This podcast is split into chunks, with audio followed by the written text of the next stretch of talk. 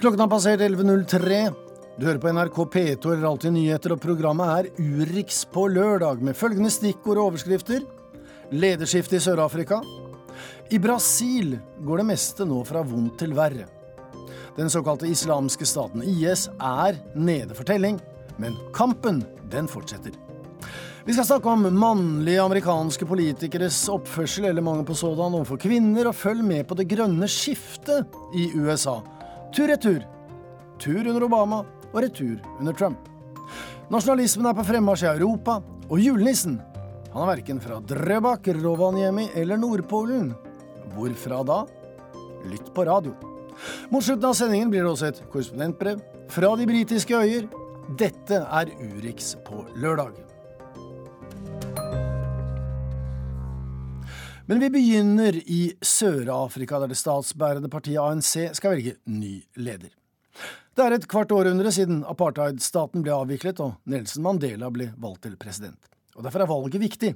ANCs nye president blir nemlig etter alt å dømme landets neste president om et drøyt år. Det er syv kandidater, men det står i prinsippet mellom to partivenner av den, Cyril Ramposa, som er visepresident, og Lamini Zuma, som i tillegg til å være utgående president Zumas ekskone, også har lang fartstid i politikken. Og da skal vi til Soveto, til vår korrespondent på de kanter, Kristine Presttun i Johannesburg. Og du er altså nå til stede. Og du kan få lov til å si selv akkurat hvor du står, Kristine. Ja, Du hører eh, kanskje trommene. De er for eh, turistene som køer opp her. Fordi vi er nå utenfor hjemmet til selveste Nelson Mandela, eh, der han bodde i Soveto. Og det folk sier her, er at de er lei av løgnene til ANC. De er lei av løfter som ikke blir oppfylt. Men de følger alle veldig spent med på det ledervalget som nå finner sted. Men med disse to kandidatene som jeg refererte til innledningsvis, er det håp om, eller sannsynlig, at det blir slutt på løgnene med begge de to, uansett hvem man måtte velge? Det er det store spørsmålet. For korrupsjonsskandalene rundt dagens president Jakob Zuma ja, de er jo så hemningsløse at, eh, at, det er nesten vanskelig å se for seg eh, at en ny leder skal kunne klare å gripe ordentlig fatt i dette. For det er klart at når lederen på toppen er så korrupt, ja da sier det seg selv at den korrupsjonen den er gjennomsyrer hele ANC. Men det er jo likevel det folk håper, da. At en ny leder faktisk skal ta tak og gripe fatt i dette. for ellers så står jo både fremtiden til ANC og Sør-Afrika på spill. Men du, Rent praktisk, voteringen skulle ha vært i gang. Den er utsatt. Hvorfor det? Det har vært litt drama her. Eh, det var eh, rettssaker i går eh, der dommeren fant ut at i tre provinser så har ikke valg, lokalvalget gått riktig for seg. og Derfor så måtte ANC starte dagen i dag med å diskutere hvordan skal vi gjøre dette. Og Det har faktisk endt med at tre provinser ikke får lov til å stemme ved dette valget. Noe som faktisk kan ha betydning for resultatet, fordi de ville stemme på ekskonen til dagens president. Dlamini Zuma. Eh, og det kan dermed øke mulighetene for at dagens visepresident blir den nye lederen. Men er det noe tips om eh, altså, hvem av dem som vinner, vil da taperen akseptere nederlaget og på en måte da bli med videre og dra lasset på vegne av ANC? Det er et godt spørsmål, for det er det knyttet veldig stor spenning til. Og Det som sies her, det er at hvis Cyril Ramaphosa taper dette valget, han har mange mektige venner i ANC, ja da kan de vennene si at nok er nok. Vi er lei av eh, hele Zuma-familien. La oss bryte ut. Slik at det er faktisk en reell fare for splittelse i ANC etter dette møtet, og kanskje særlig etter neste valg i 2019. Helt til slutt, eh, Kristine. Det er vel masse både bookmakere, analytikere, og eksperter, og kommentatorer, og professorer og journalister og alle som har meninger om dette. Vet man noe som helst om eh, hvilken vei valgvinden kanskje blåser? Det sies at det er Cyril Romoposas eh, tid nå, at han eh, har størst sjanse for eh, å vinne. Men man skal være litt obs på Trump-effekten. Vi trodde jo alle at, eller mange i hvert fall, innen mediebransjen og blant analytikerne, at Hillary Clinton ville vinne. Og det er litt det samme her. Altså, Ramaphosa han representerer den urbane eliten, og de fleste kommentatorene håper nok at han skal vinne. Men Dlamini Zuma hun har støtte ut i de fattige bydelene, i store deler av kvinnebevegelsen og også i ungdomsbevegelsen. og Derfor så er det et reelt spennvalg. Da sier vi takk til deg i denne omgang. Det er viktig å understreke Kristine Presthun i Johannesburg. Vi hører mer fra deg i både radio og på TV på NRK i løpet av helgen. For sluttresultatet, det skal foreligge i morgen. Da skal vi til et annet land hvor man for så vidt har slitt en del med presidenter og korrupsjon. Det er til Brasil, der det var stor optimisme og mye fremtidshåp som rådet da landet fikk tildelt fotball-VM og de olympiske sommerleker i 2014 og 2016. Men det meste har gått fra vondt til verre. Og i Rio de Janeiro så øker nå kriminaliteten og politikerforakten igjen. Det forteller vår reporter i landet, Arnt Stefansen.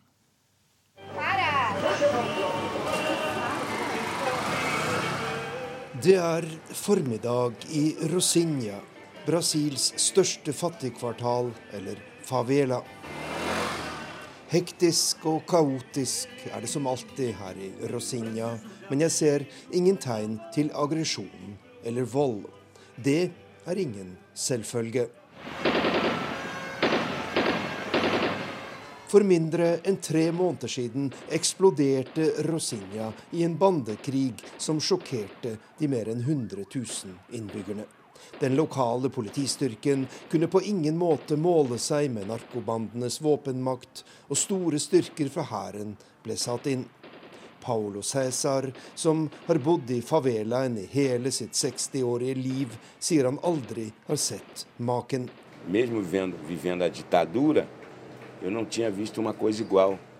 Selv jeg som har opplevd militærdiktaturet, har ikke sett noe lignende. 4000 soldater og politifolk utkjempet en liten krig mot narkobandittene, mens befolkningen praktisk talt ble holdt som gisler. Men selv om dette var helt ekstremt, så bekrefter det en utvikling vi har sett de siste par årene, sier Paolo Cæsar.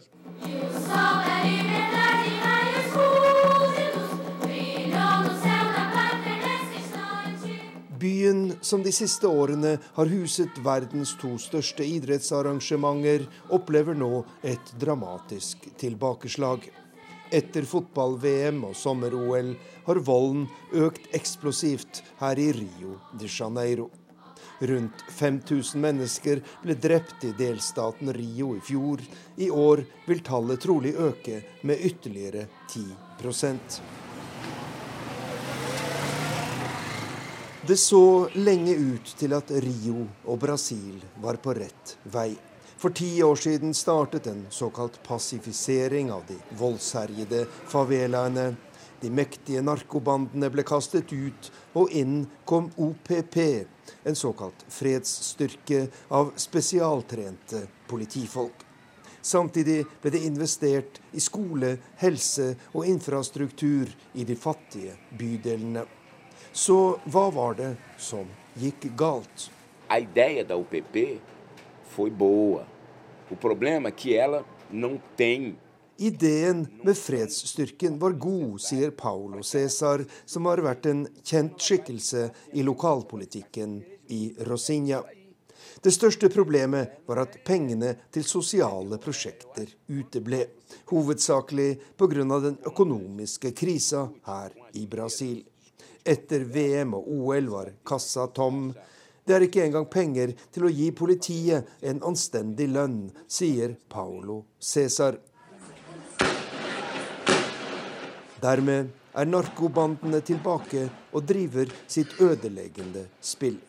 Dramaet i Rosinia denne høsten viser hvor galt det kan gå.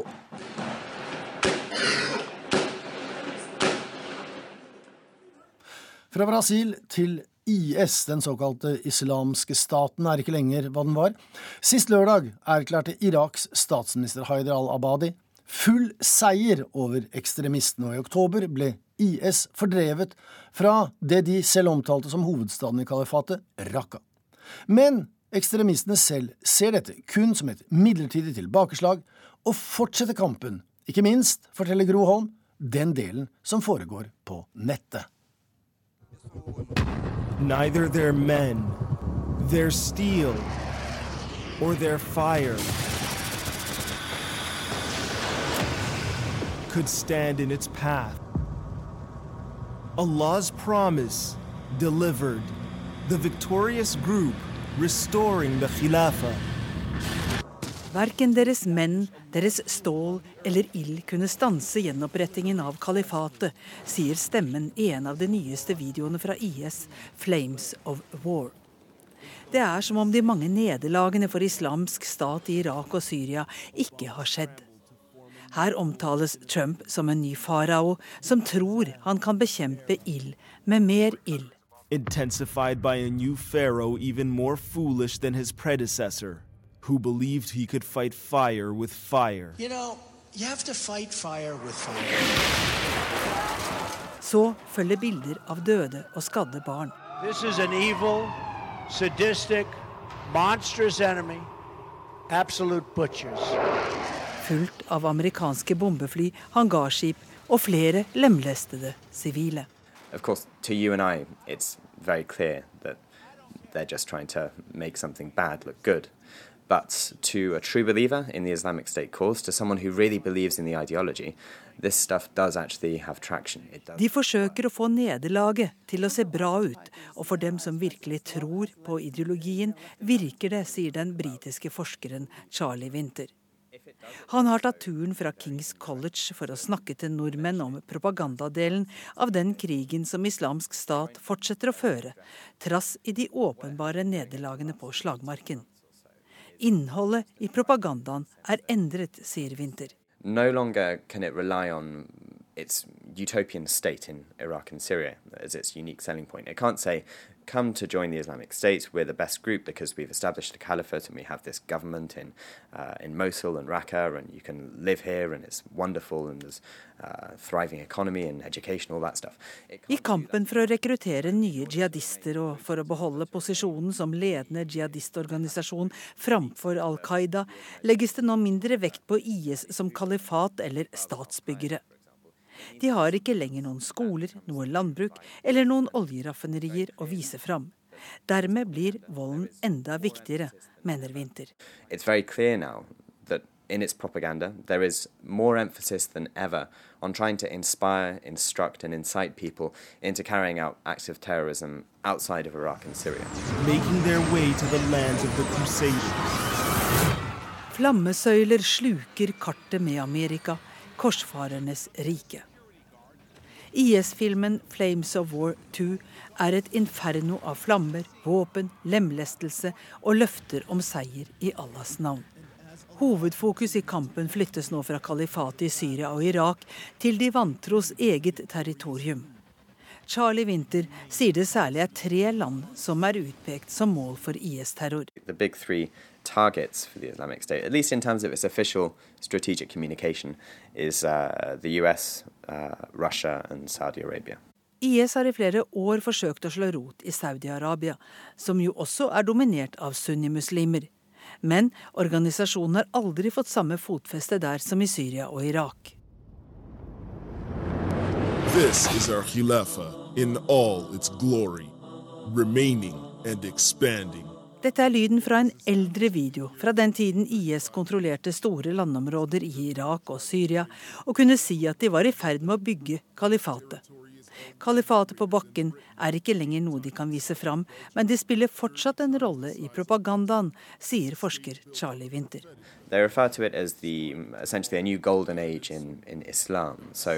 Remember when we had Raqqa, remember the stability, the security, and the pristine Islam of that city. Den gylne tidsalder for IS er forhåpentligvis over. Antall videoer, fotoreportasjer og radiobulletenger fra deres propagandamaskineri er nå bare en nidel av hva det var høsten 2015. Men mediaspesialistene i IS har fortsatt en svært høy status. So media operatives in the Islamic State, they live something of a privileged existence. They get paid more money. Uh, they're shrouded in a lot more secrecy. Noen har forsøkt seg på motpropaganda i samme formspråk. Men det har Winter lite tro på. The best counterpropaganda against the Islamic State isn't videos, it's not posters, it's obvious propaganda. It's it's action. It's the fact that the Islamic State has collapsed essentially. That's the best propaganda that, that there.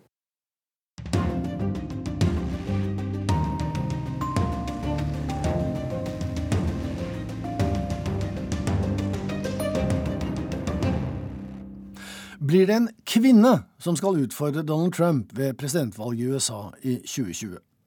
Det meste i amerikansk politikk handler om metoo-kampanjen for tiden. Mange mannlige politikere blir tvunget til å gå pga. fordoms sextrakassering, og Roy Moore fikk ingen plass i Senatet for Alabama. En kvinne i Senatet leder an i kampen mot menn som har gått over streken. Denne uken fikk hun også president Trump til å miste besinnelsen. Well, President Trump should resign. Uh, these allegations are credible, they are numerous. Uh, I've heard these women's testimony. Kirsten Gillibrand fikk rikelig med sendetid tirsdag denne uka. Hun brukte den til å si at hun mener president Trump må gå av. Av mange grunner.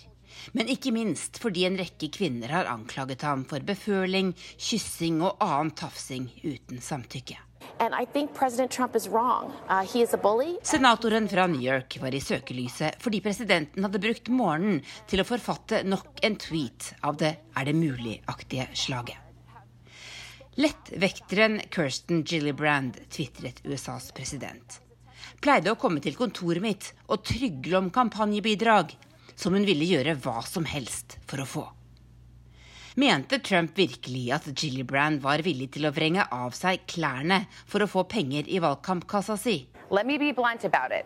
Did you interpret that tweet as a sexual reference, that you would trade sexual favors for campaign cash? Is that what the president was saying about you? Well, certainly that's how I and many people read it, and it was certainly just a sexist smear. Metoo-opprøret, som nå dominerer amerikansk politikk, har gjort den 51 år gamle senatoren fra det nordlige New York til en klart potensiell presidentkandidat i 2020. Kirsten Gillibrand har tatt en naturlig lederrolle i kampen mot sextrakassering i Kongressen. Dette er øyeblikket hun har ventet på. For kampen for kvinners rettigheter har vært hennes største hjertesak lenge. I don't know how you can say that having 19,000 sexual assaults and rapes a year is discipline and order. For et par år siden lekste hun opp for amerikanske generaler i en senatshøring om voldtekter i Forsvaret. even reported because the victims tell us that they are afraid to report because of retaliation. Da jeg møtte henne under kvinnemarsjen i januar, var hun opptatt av fødselspermisjon. I think and we believe that if we fight for a national pay leave plan, it will be the greatest economic engine for our economy and help communities thrive. But you're never gonna get the Republicans to do this, right? I don't know that. Even our, our president has said that, uh, that he supports a national paid leave plan. Og da metoo-kampanjen altså nådde Capitol Hill for noen uker siden, var Gillibrand i front. Enough is enough. I mean, this is a conversation we've been having for a very long time, and it's a conversation that this country needs to have. And I think when we start having to talk about the differences between sexual assault and sexual harassment and unwanted groping, you are having the wrong conversation. Sammen med kolleger krevde hun helt nye varslingsmekanismer for dem som ønsker å melde om seksuell trakassering. Hun skremte også med at hun kunne navngi flere mannlige kolleger som har forgått seg. Og for 14 dager siden skjedde dette. Over the last few weeks, a number of women have come forward to talk about how they felt my actions had affected them. I was, I was.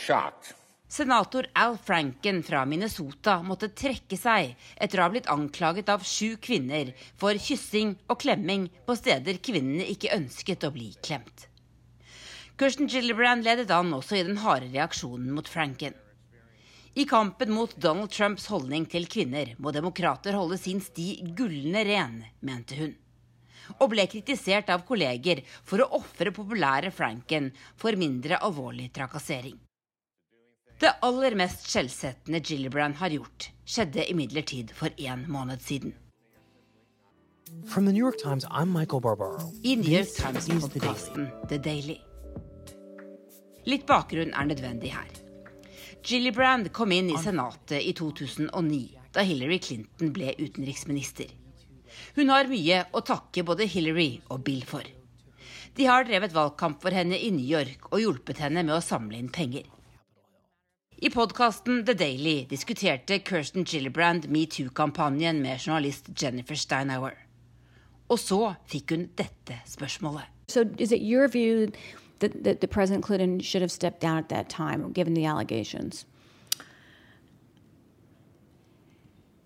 I yes, that, I think that is the appropriate response. But um, I think things have changed today, and I think under those circumstances there should be a very different reaction. Etter en slags tenkepause på lufta bestemte altså Gillibrand seg for å si det mange mener demokrater burde ha våget å si for lengst. Bill Clinton bedrev grovt maktmisbruk da han hadde oralsex med en 22 år gammel praktikant i Det hvite hus. Han burde ha innsett det og trukket seg den gangen. Kirsten Gillibrand fikk kritikk fra enkelte i partiet etter å ha sagt dette.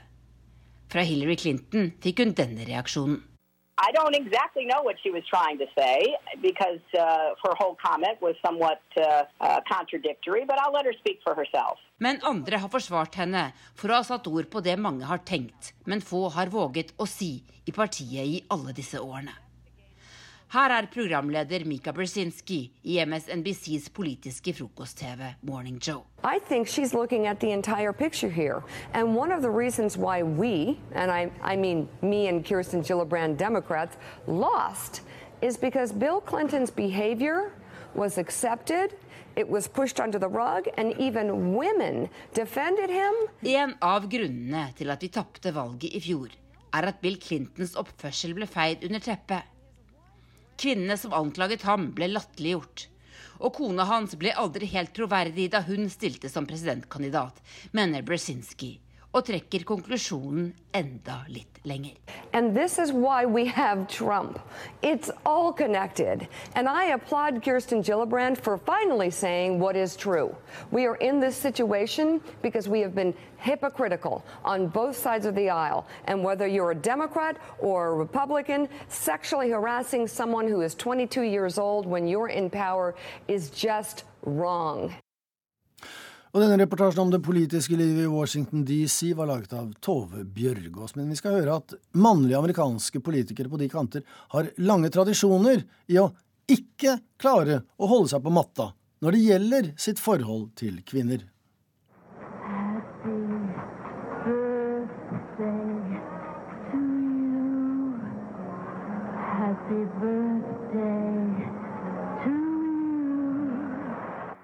Den 19. mai 1962 fremførte datidens største sexsymbol, Marilyn Monroe, en hypersensuell tolkning av Happy Birthday i anledning president John F. Kennedys 45-årsdag. Øyeblikket står i ettertid som det ultimate symbol på president Kennedys utroskap, og at makt er tiltrekkende. Alle, som det gjerne heter, visste at de to hadde hatt et forhold, skjønt ingenting er bevist. Det het seg også at hun var ustabil og dermed en trussel mot presidenten. Så han dumpet henne. Ti uker etter sangen tok Marilyn Monroe sitt eget liv. En av verdens mest beundrede kvinner døde ulykkelig og barnløs. Hennes skjønnhet skal ha stått i veien for hennes ønske om å bli tatt på alvor som kunstner og menneske. Ikke så helt ulikt en annen kvinne som også lot seg blende og utnytte, for så å bli vraket. I did not have sexual relations with that woman, Miss Lewinsky.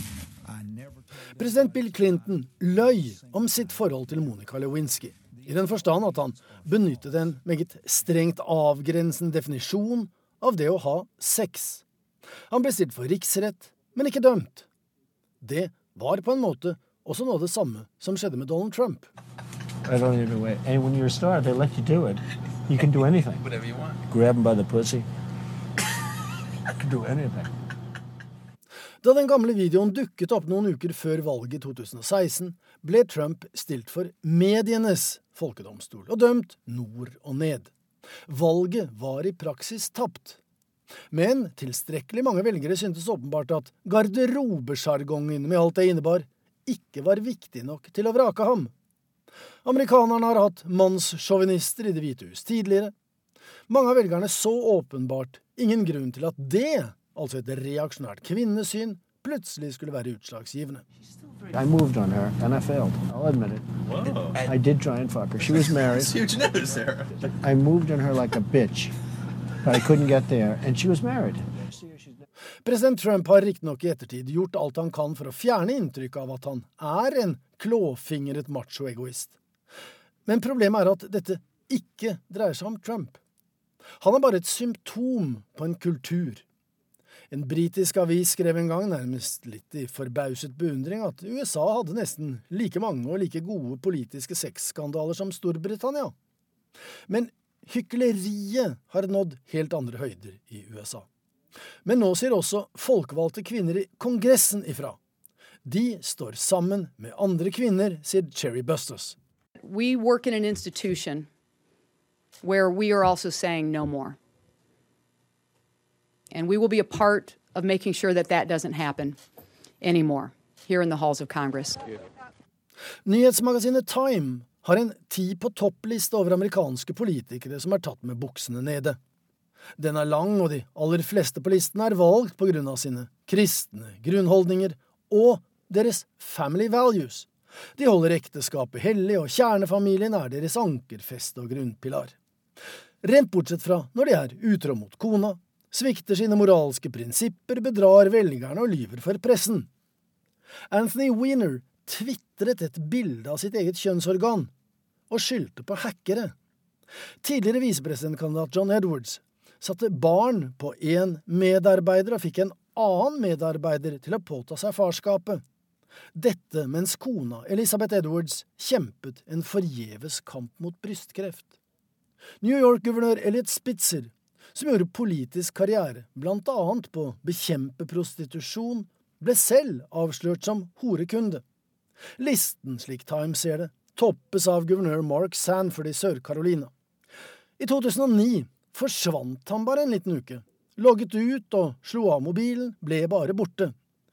Staben og kona og partiet og de kontoransatte kom alle med kreative forklaringer. Sannheten var at han hadde reist til elskerinnen i Buenos Aires for skattebetalernes regning. Det er utallige lignende historier. Mye er komisk og lattervekkende. Men disse mennenes bedragerske oppførsel er ikke spesielt morsom for de involverte. Tilbake sitter forsmådde, forlatte og fortvilte kvinner som er blitt løyet for, brukt og ført bak lyset, så vel koner som elskerinner. Og talløse andre, som nå har begynt å snakke om sine erfaringer med mektige menn med atferdsvansker.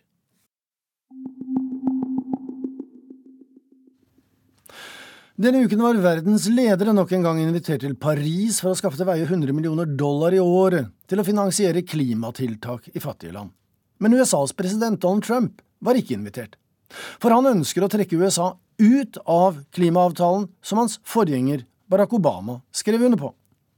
Vår reporter Øystein Heggen har sett nærmere på de miljøtiltak som Barack Obama og andre tidligere presidenter satte i verk i USA, og som er blitt endret eller reversert det siste året. With climate change, we face a choice action or inaction. Smektende toner til bilder av vakker natur. Men det er en video med et alvorlig budskap om klimaendringer. Offentliggjort av USAs føderale miljødirektorat, EPA, i juni 2015. Den varslet klimaengasjementet som skulle komme, for i desember samme år skrev president Barack Obama under Parisavtalen om reduksjon i utslipp av klimagasser. EPA's newly released Benefits of Global Action report looks at the consequences if we don't. Men stopp, videoen er ikke på EPAs hjemmeside lenger. Vi må til YouTube for å finne den. for det har vært valg i USA. President Trump, you know, he's making true on his promises that he told us to unleash American energy. President Donald Trump holder det han lover. Han frigjør USAs energi, sier direktør Jimmy Brock i Consol Energy. I våres sto han i lysebrun kjeledress og hjelm sammen med arbeiderne i ei gruve vest i Pennsylvania. Og denne videoen er på Miljødirektoratets hjemmeside. an administrator of the EPA actually coming to one of our work sites to get to meet some of you, to find out what we do. For den nye direktøren for direktoratet besøker nemlig gruvearbeidere. Og det har aldri skjedd før, sier gruvedirektøren. The war on coal is done. It's over.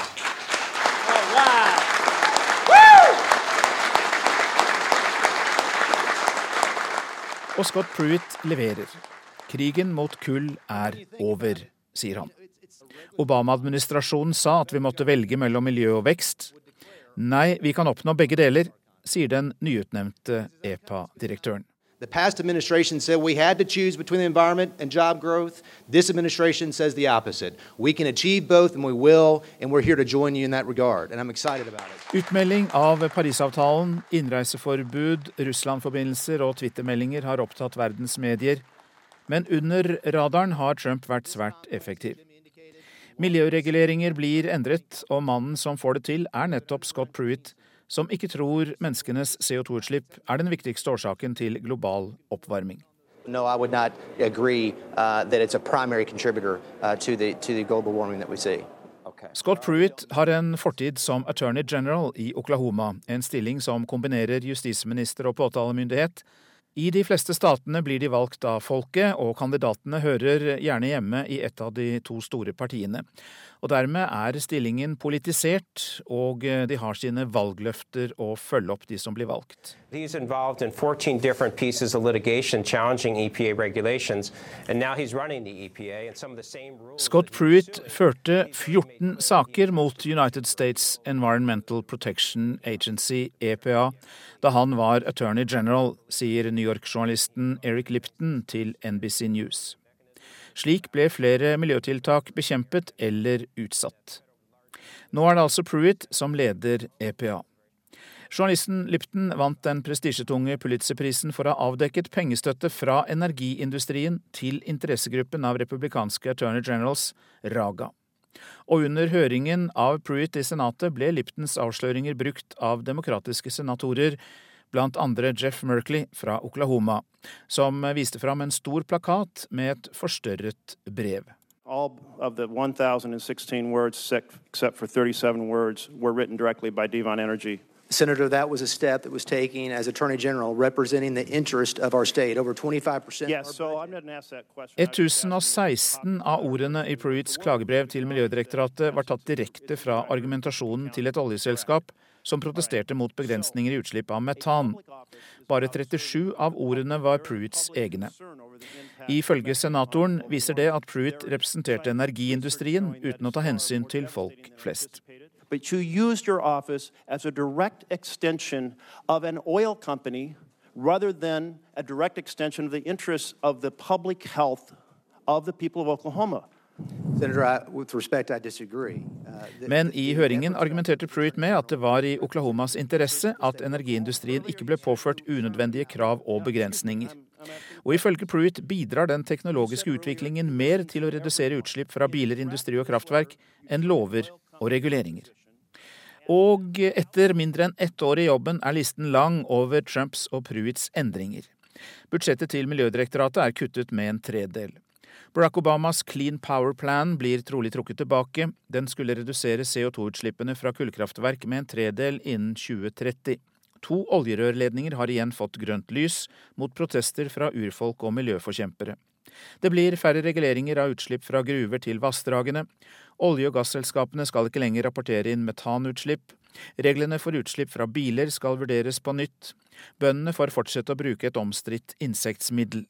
Nye begrensninger i utslipp av arsenikk og kvikksølv fra industrien er utsatt, og det samme gjelder endringene i loven om rent drikkevann, som ble skjerpet av Obama. Men klassisk naturvern og urfolk utfordres også. This place is so sacred the Native Americans. People need to be here to see it and feel the healing.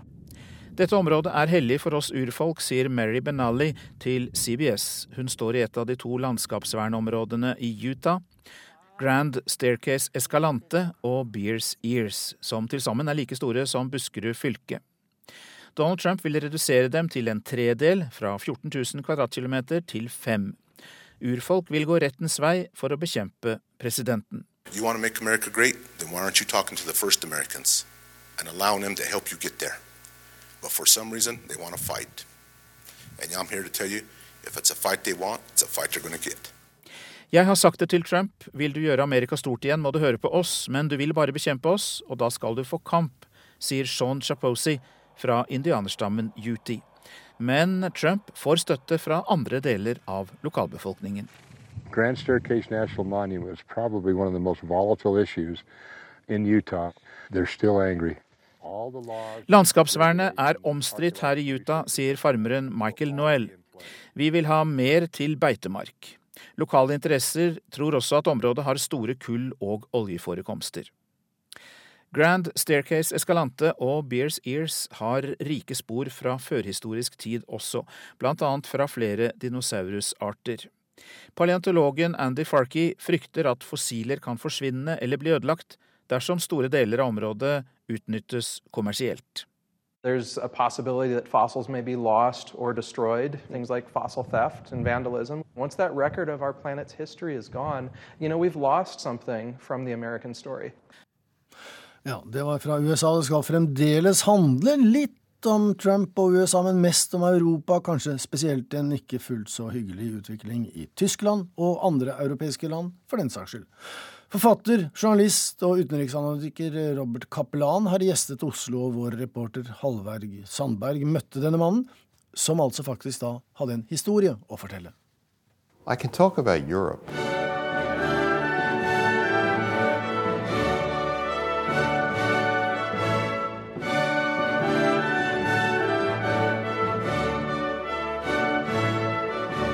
What's happened is that country, historic countries like Croatia, Hungary, and Poland have taken the EU, gotten what they want out of it, put it in their pocket, and are now back to nationalism. Det er amerikansk makt, myk makt og hard makt som er forfatter Robert Kaplans spesialområde. Hvorfor snakker han da om Europa, om den gryende nasjonalismen i Øst- og Sentral-Europa, om EU som ikke greier å fange folks oppmerksomhet og følelser? Jo, fordi det har skjedd noe med den amerikanske innflytelsen over Europa. Remember what held Europe together, the silent hand holding Europe together throughout the Cold War and for a decade or so after was American power and involvement. Uh, an involvement that, from, the, from Washington's point of view, was political, military, and, and more importantly, emotional. So we at the American leaders were out, were openly, psychologically committed to Europe.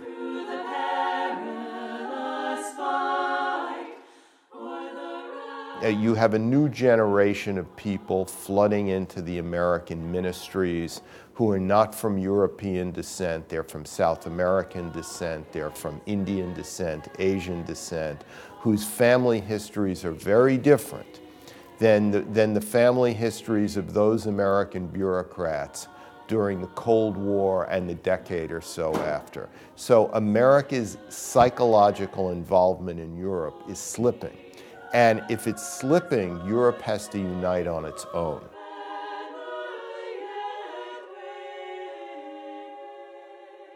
USA, den skjulte hånden, har altså vært delaktig i at Europa holdt seg samlet etter den andre verdenskrigen. Men nå, med nye krefter i føringen, er ikke USA så interessert i Europa. Og da, poengterer Kaplan, er det et annet land som kan komme til å dominere.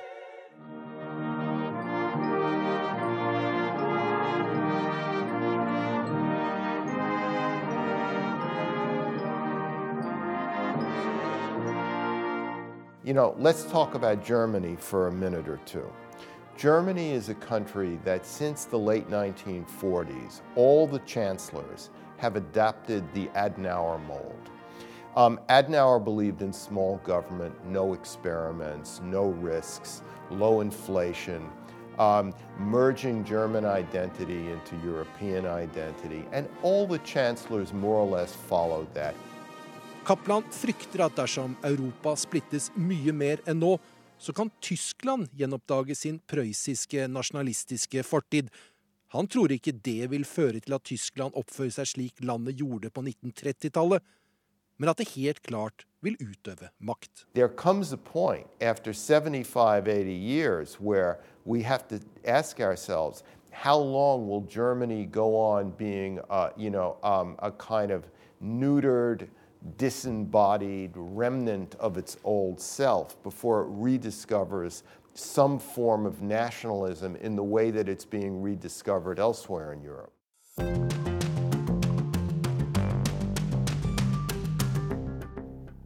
Da skal det dreie seg, som lovet, om julenissen, altså om Santa Claus, som egentlig kanskje kommer fra Tyrkia. Det er det sikkert ikke alle som visste, men vår reporter på de kanter, Sissel Wold, hun har gått i sporene til den mannen som gav inspirasjon til vår hjemlige julenisse. Τίμιος εναντίον Κυρίου, ο θάνατος του οσίου αυτού. Kanskje hørtes den slik ut, sangen som ble sunget i Sankt Nikolas kirke på 300-tallet. Da levde en mann som het Nikolas i byen Myra, som lå ved den vakre middelhavskysten. Den gang slo bølgene innover den greske byen, som var en del av Bysants og det østromerske riket. I dag heter byen Demre og ligger i Antalya-provinsen sør i Tyrkia. Sankt Nikolas ble født inn i en velstående familie en gang etter år 270. Da han ble prest og bedre kjent med samfunnet rundt seg, fikk han stor sympati for de fattiges situasjon. Det fortelles at han ga foreldre som ikke hadde råd til å gifte bort døtrene sine, hjelp. Nicolas ga familiene penger til medgift for å redde jentene fra prostitusjon. Den greske presten hjalp også seilere i nød, og han reddet folk fra sultedøden. Legenden om den godhjertede Sankt Nikolas og hans påståtte mirakler nådde etter hvert Europa. Spesielt de ortodokse i øst, grekere som slavere, forgudet helgenen fra myra. Som en tidlig forkjemper for kristendommen var Sankt Nikolas en aktiv mann. Han deltok på det berømte kirkemøtet i Nikea i år 325, der han kom i en voldsom krangel med presten Arius fra Alexandria. Nicholas dro rett og slett til ham, ifølge fortellingen. Da den romerske keiseren Diokletian forfulgte kristne, ble Sankt Nicholas arrestert. En tid senere slapp han ut fra fangenskapet under keiser Konstantin. Da han ble begravet i kirken i Myra i det fjerde århundret, var han viden kjent i denne regionen. Men Sankt Nikolas' store gjennombrudd, for å si det slik, kom da italienske sjømenn, eller om de var handelsreisende, brøt seg inn i kirken og tok med seg levningene hans til Bari i Italia. Den mektige kirken Basilica Sankt Nikolas ble reist over restene av den første Santa Claus på 1100-tallet. I snart 1000 år har pilegrimer fra Europa valfartet til den hellige Sankt Nikolas sin grav i Italia. Men nå viser det seg at de kan ha blitt lurt. For inne i den nye gamle kirken fra 1100-tallet i Demre i Tyrkia er Jamil Karabayam i ferd med å sette opp en plansje. Direktøren for utgravninger og monumenter i Antalya skal forklare oss noe. Han peker på en graf som viser et stort rom markert i rødt under gulvet vi står på. Eğer biz burada yeni bir keşif yapar, bu keşifle de buradan ciddi bir bulgu ortaya çıkarırsak... Våre funn viser at det finnes en gammel struktur under dette gulvet. Så det er svært sannsynlig at Sankt Nikolas er begravet akkurat her. Han er sikker på at de italienske gravrøverne tok med seg feil levninger, De røvet med seg feil prest ettersom de brøt seg inn i den nye kirken, som var bygget over det opprinnelige gudshuset fra Sankt Nikolas tid, sier han. Så vi tror ikke at levningene av Sankt Nikolas i Italia er de rette. Sier direktøren for undersøkelser, utgravninger og monumenter i Antalya, sør i Tyrkia. Til sommeren fortsetter tyrkiske arkeologer å jakte på Sankta Claus under kirkegulvet. Uansett hvor han er begravet, inspirerte den greske Sankt Nikolas fra Myra sine samtidige. Han hjalp folk og var raus med gaver. Uansett om barna hadde vært snille eller ikke.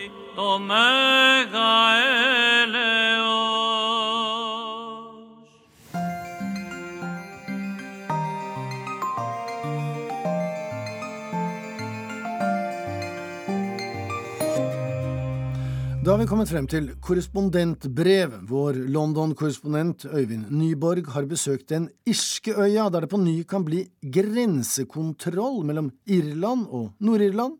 Det på grunn av brexit. Det vekker vonde minner hos mange. Vi skrur klokka 20 år tilbake i tid. Det er sen kveld. Michael McArdle krysser grensen i lastebilen sin med varer fra Nord-Irland til Irland da han plutselig forstår at noe er i ferd med å gå galt. Lastebilen blir tvunget til å stanse. Flere maskerte menn omringer bilen. Han kjenner en pistol mot tinningen og får beskjed om å pelle seg vekk. Lastebilen blir kapret. Michael blir overlatt til seg selv på den øde veistrekningen. Skrekkslagen begynner han å tusle mot nærmeste politistasjon.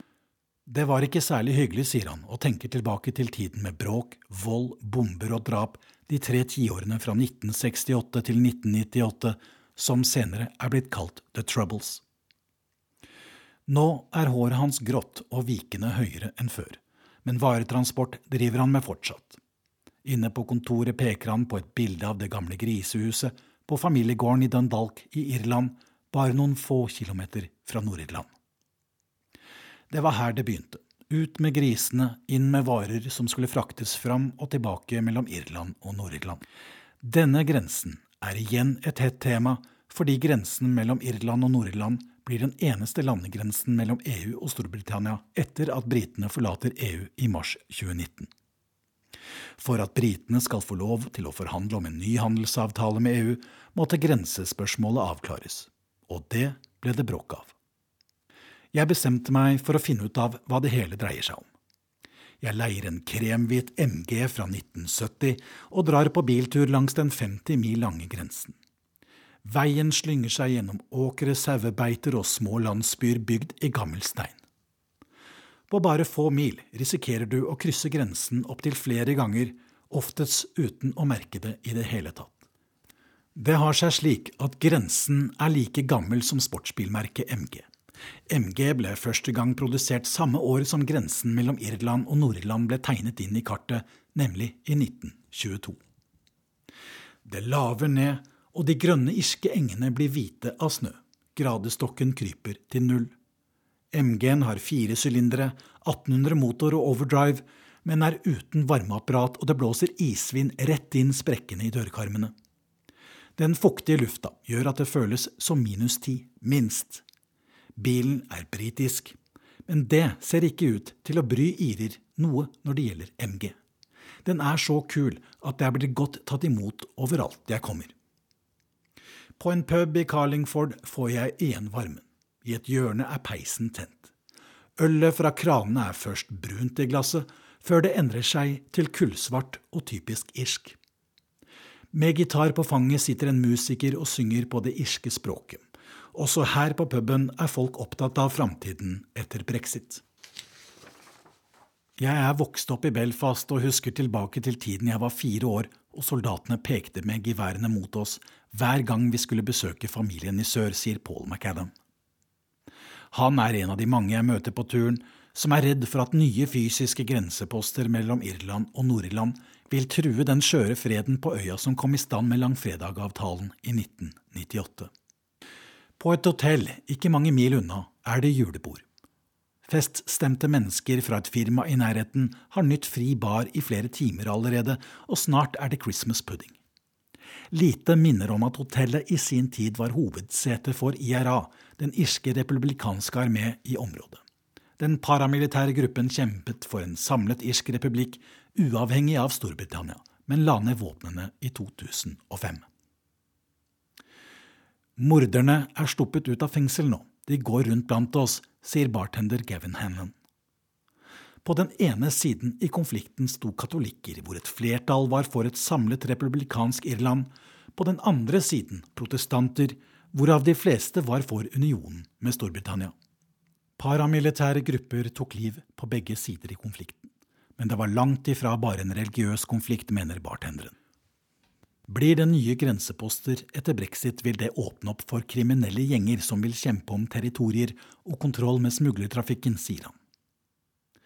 Grensespørsmålet mellom Irland og Nord-Irland førte også til en stor ydmykelse for Storbritannias statsminister Theresa May i forrige uke. Det sørget leder Arlene Foster i Det demokratiske unionistpartiet for. For henne var det nemlig personlig. Theresa May hadde dratt til Brussel for å sikre et gjennombrudd i brexit-forhandlingene, men midt under fiskelunsjen med EU-kommisjonens leder Jean-Claude Juncker må hun reise seg fra bordet og ta en telefon til Belfast. Der hadde nemlig Arlene Foster fått nyss i at for å sikre en sømløs grense mellom Irland og Nord-Irland, så skulle Nord-Irland i praksis ikke forlate EU på lik linje med resten av Storbritannia. For unionistene var det krise. De fryktet en ny grense i Irskesjøen, men kanskje mest av alt at de skulle slukes av en republikansk agenda fra sør.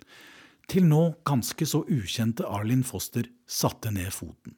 Theresa May måtte reise hjem fra Brussel med halen mellom beina. Men det var bare det at Foster er fra landsbygda langs grensen, og det har formet politikken hennes. Hun er født i 1970, akkurat i tide til å få med seg The Troubles. Sammen med familien bodde hun på en gård. En kveld drar faren hennes ut for å lokke hjem dyra for natten.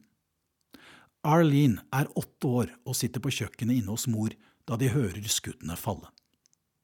Jenta fryser til is og forstår ingenting før faren kommer krabben inn på kjøkkenet med blod rennende ned fra hodet.